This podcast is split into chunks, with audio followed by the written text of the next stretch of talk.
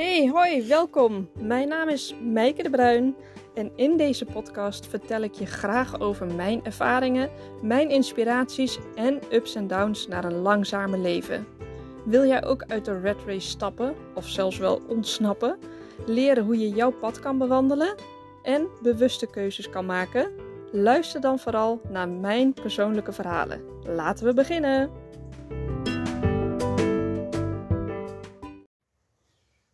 Hey hoi, leuk dat je luistert. Ik wil het graag even met je hebben waarom we eigenlijk zijn gaan reizen met de camper.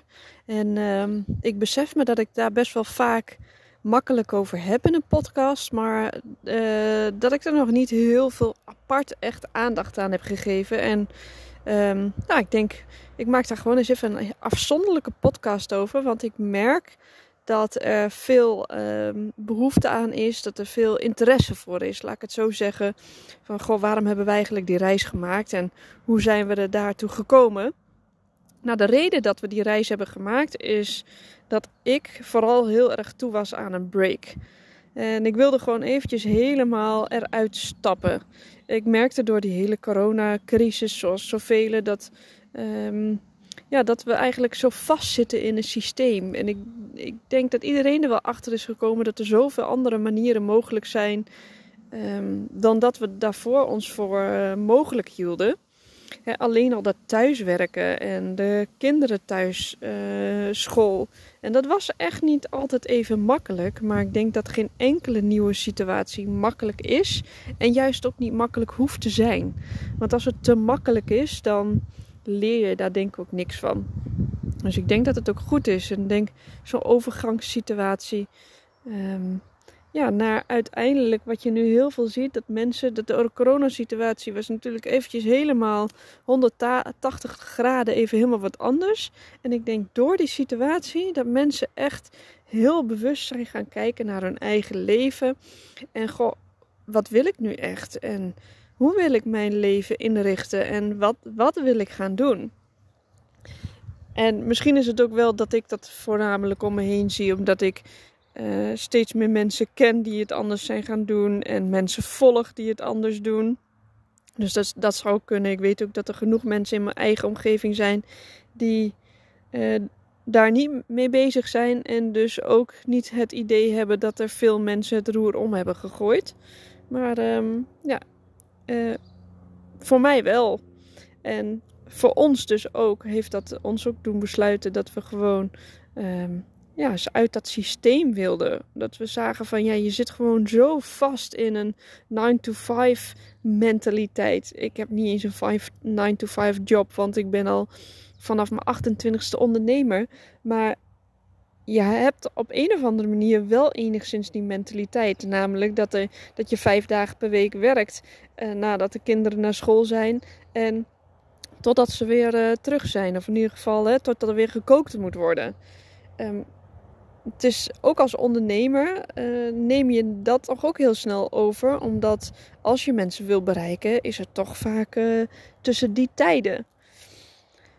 Dus je doet er hoe dan ook eigenlijk bewust of onbewust wel aan mee in dat hele systeem. Je gaat mee met die um, sneltrein. Zo zag ik het na onze reis. Dat we echt moesten instappen weer op die sneltrein. Terwijl ik dacht, ja, maar ik, eh, ik, ik kan helemaal niet instappen. Het lukt me niet. En uh, ik wil het eigenlijk ook, ook helemaal niet. Maar ik moet wel, want anders, weet je, word ik gewoon omvergeblazen door um, ja, die, die kracht die van zo'n trein afkomt. Dus ik moet haast eigenlijk wel meegaan. En als je kinderen weer naar school gaan, ja, dan, dan, dan word je daar ook wel in meegesleurd. En dat klinkt heel erg negatief, maar dat is natuurlijk zoals het is. Dus um, ja, door die hele coronacrisis hadden we dus zoiets van, um, nou ja, ik dus voornamelijk. Ik ben wel de aanjager geweest op dat vlak. En dat zegt Diederik ook altijd. Mijke bedenkt dingen en ik voer ze uit. ik denk dat dat in heel veel uh, situaties het geval is. Dus ik zeg ook altijd van, uh, ja, bij ons is het niet anders of beter of slechter dan bij een ander. En, um, en doordat ik die burn-out had gehad of die enorme mentale en fysieke crisis, zo kan ik het misschien nog beter noemen. Maar met een burn-out snapt iedereen het wat beter. Dan heeft het toch een naampje. Door die crisis had ik ook echt zoiets. Ja, ik wil gewoon dit leven wil ik niet meer. Ik wil niet meer dat gejaagde leven en dat 9 to 5. En dingen doen waar ik eigenlijk helemaal geen energie van krijg. Ik merkte gewoon echt dat ik op een doodspoor zat, werktechnisch. En dat ik ook al veel te lang op een doodspoor zat. Maar ik vond gewoon dat ik stoer moest zijn. Nou ja, weet je, ook dat was niet eens een bewuste keuze. Ja, wel eens door de week dat je dan een afspraak hebt staan. Ergens een ver wegistan in Nederland en dan moest ik weer die kant op rijden. En had ik er gewoon totaal geen zin in. En ik was ik zei ook zo vaak tegen Diederik ik ben gewoon zo zo moe. Ik heb gewoon zo geen fut. Ik heb geen zin. En dan zei ik maar ja ik moet maar gewoon. Dus dan raapte ik mezelf wel weer bijeen om die rit te rijden. En ik weet ook dat ik heel vaak in de auto zat en dat ik ook tegen Diederik ook achteraf zei: ik had eigenlijk helemaal niet moeten rijden. Ik ben gewoon te moe. Ik ben gewoon, ik ben er gewoon niet bij. Ik rij niet meer zoals ik vroeger reed. En ik ben echt een goede rijder, dat weet ik van mezelf. Want uh, ik heb altijd in de buitendienst gewerkt, overal door heel Nederland. Ik ben echt een goede chauffeur. Maar op dat moment was ik gewoon niet meer de chauffeur zoals ik altijd was. Omdat ik gewoon opgebrand was. En ik, ik wist, ik herkende het niet. Ik wist niet wat het was, dat gevoel. En het, het, het, het zullen natuurlijk ook al heel lang. Het, het, het, het sluipt erin zonder dat je daar echt uh, de tijd voor hebt om erbij stil te staan. En ook de, uh, de know-how hebt om erbij stil te kunnen staan. Dat is het ook heel erg. Ik had die know-how ook helemaal niet. En ik denk dat dat echt voor zoveel mensen om mij heen geldt. Voor zoveel mensen in Nederland. Als je alleen al nagaat dat 1 op de 7 werkende mensen dit overkomt. En dat is dus 1,3 miljoen mensen op jaarbasis. Ja, dat is toch. En ik denk dat dat misschien nog maar het topje van de ijsbeer, uh, ijsbeer, ijsberg is. Ik denk dat we gewoon met z'n allen allemaal zoveel blootgesteld worden aan, zo, aan zoveel stress en prikkels gedurende de dag, dat onze hersenen dat gewoon helemaal niet kunnen verwerken. En er wordt niet voor niets zoveel aandacht nu aan besteed. En uh, je ziet het in het nieuws terug. Um, je hoort mensen erover praten. Iedereen kent wel iemand die een burn-out heeft of overspannen is die kennen we allemaal wel. En het is niet goed. Het is niet goed wat we hebben hier nu in Nederland. En um, je hoort er veel over, maar uh, toch ook nog weer te weinig dat dit aan de hand is. Want we gaan gewoon allemaal maar door, omdat we allemaal maar doorgaan. Wat dat betreft zijn we allemaal een mega slecht voorbeeld voor elkaar. En voor mij uh, was dat dus de verandering, de coronacrisis. En dat ik zelf helemaal aan de grond zat en dat ik zoiets had van, na dat leven wat ik had, daar wil ik gewoon in ieder geval niet meer naar terug. Wat dan wel? Ja, daar had ik ook slapeloze nachten over. Want inmiddels had ik geen uh, inkomen meer. Um, ik was uh, mega depressief. Ik zag het leven niet meer zitten en ik had allemaal fysieke klachten. Dus nou, tel uit je winst. Die had ik dus niet. Ik had geen stipje aan de horizon uh, voor mezelf op dat moment. En daar had ik ook gewoon helemaal de energie niet voor. Maar die twee dingen hebben, wist ik in ieder geval wel dat ik het anders wilde. Totdat ik op een gegeven moment mensen ben gaan volgen of voorbij zag komen op Instagram. De, de familie Boon onder andere en Stay Tour. Dat ik hen ben gaan volgen en die waren aan het reizen. Gewoon met jonge kinderen. Dat ik dacht, hè? Ik wil gewoon ook eens weg uit Nederland, weg uit die red race, weg uit het systeem. Ik wil niet meer elke dag om half negen op het schoolplein staan en om drie uur weer. Ik wil geen gedoe met die grote meiden en de middelbare school. Ehm, dat ik weer van alles moet regelen of aanhoren. Of uh, dat ze het allemaal niet aankunnen. Of weet ik veel wat. Ik had er gewoon allemaal even geen zin meer in. Ik wou die stekker gewoon even helemaal uit het stopcontact hebben. En Diederik stond er eerst nog helemaal niet open voor. Maar naarmate de tijd vorderde en ik natuurlijk steeds vaker uh, erover begon en enthousiaster werd, doordat ik steeds meer met verhalen en foto's kwam van andere mensen, ja, merkte ik dat voor, bij hem ook wel steeds meer ruimte kwam daarvoor. En we hadden al een camper, maar dat was een oud ding en we zijn allebei helemaal niet handig. Dus Ja, die moest dan ook wel ingeruild worden voor een nieuwere. Maar ja, zonder inkomen, zonder geld wordt dat ook allemaal een beetje moeilijk. Maar waarom willen ze zijn weg? En uiteindelijk hebben we die weg ook wel gevonden. Maar ehm, ja, uiteindelijk liep het met zijn werk ook precies zo dat zijn contract afliep in de zomervakantie. En dat wisten we van tevoren. Dat hij ook niet meer zo happy was. Hij heeft ook dezelfde uh, visuele cirkel in, elk, in elke baan. Dat hij dol enthousiast is. En naarmate de tijd vordert, raakt hij steeds meer.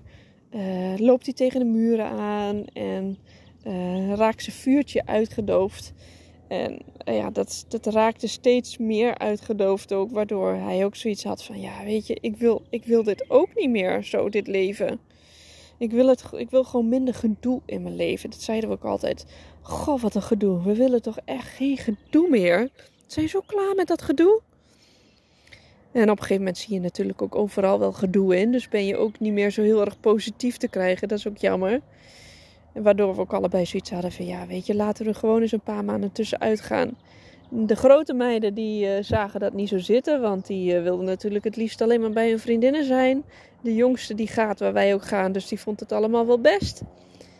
En uh, uiteindelijk hebben we gezegd, weet je, we gaan aan het einde van de zomer, als de zomervakantie ten einde is, de dag dat ze weer naar school moeten, gaan wij gewoon vertrekken. Dan verlengen we gewoon die heer, dat heerlijke vakantiegevoel. En dan gaan we drie maanden gaan we door Bretagne, Frankrijk, eh, Spanje en Portugal gaan we daar rondtrekken met onze inmiddels nieuwe camper.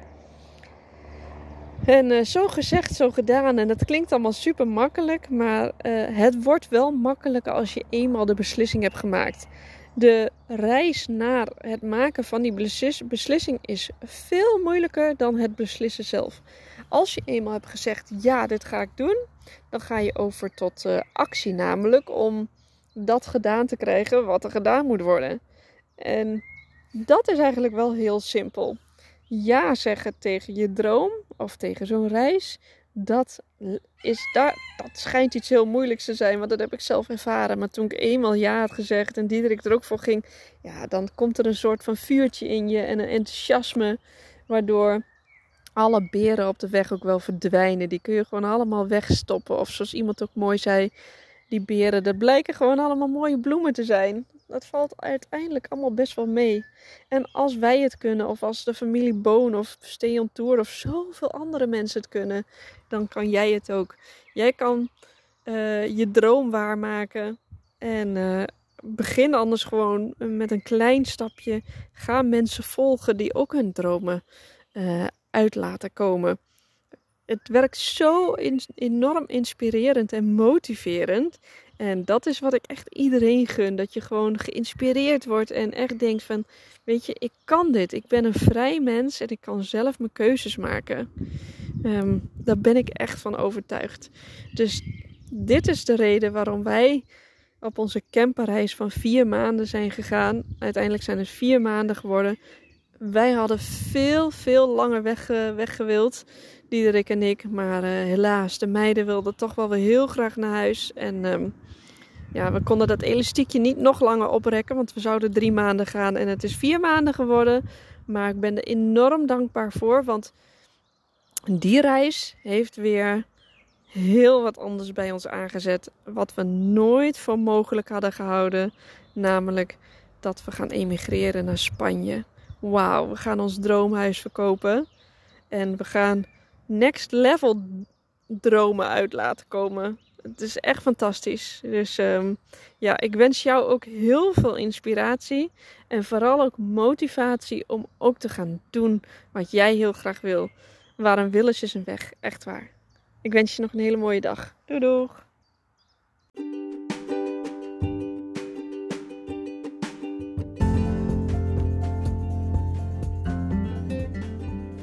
Hey, dankjewel voor het luisteren.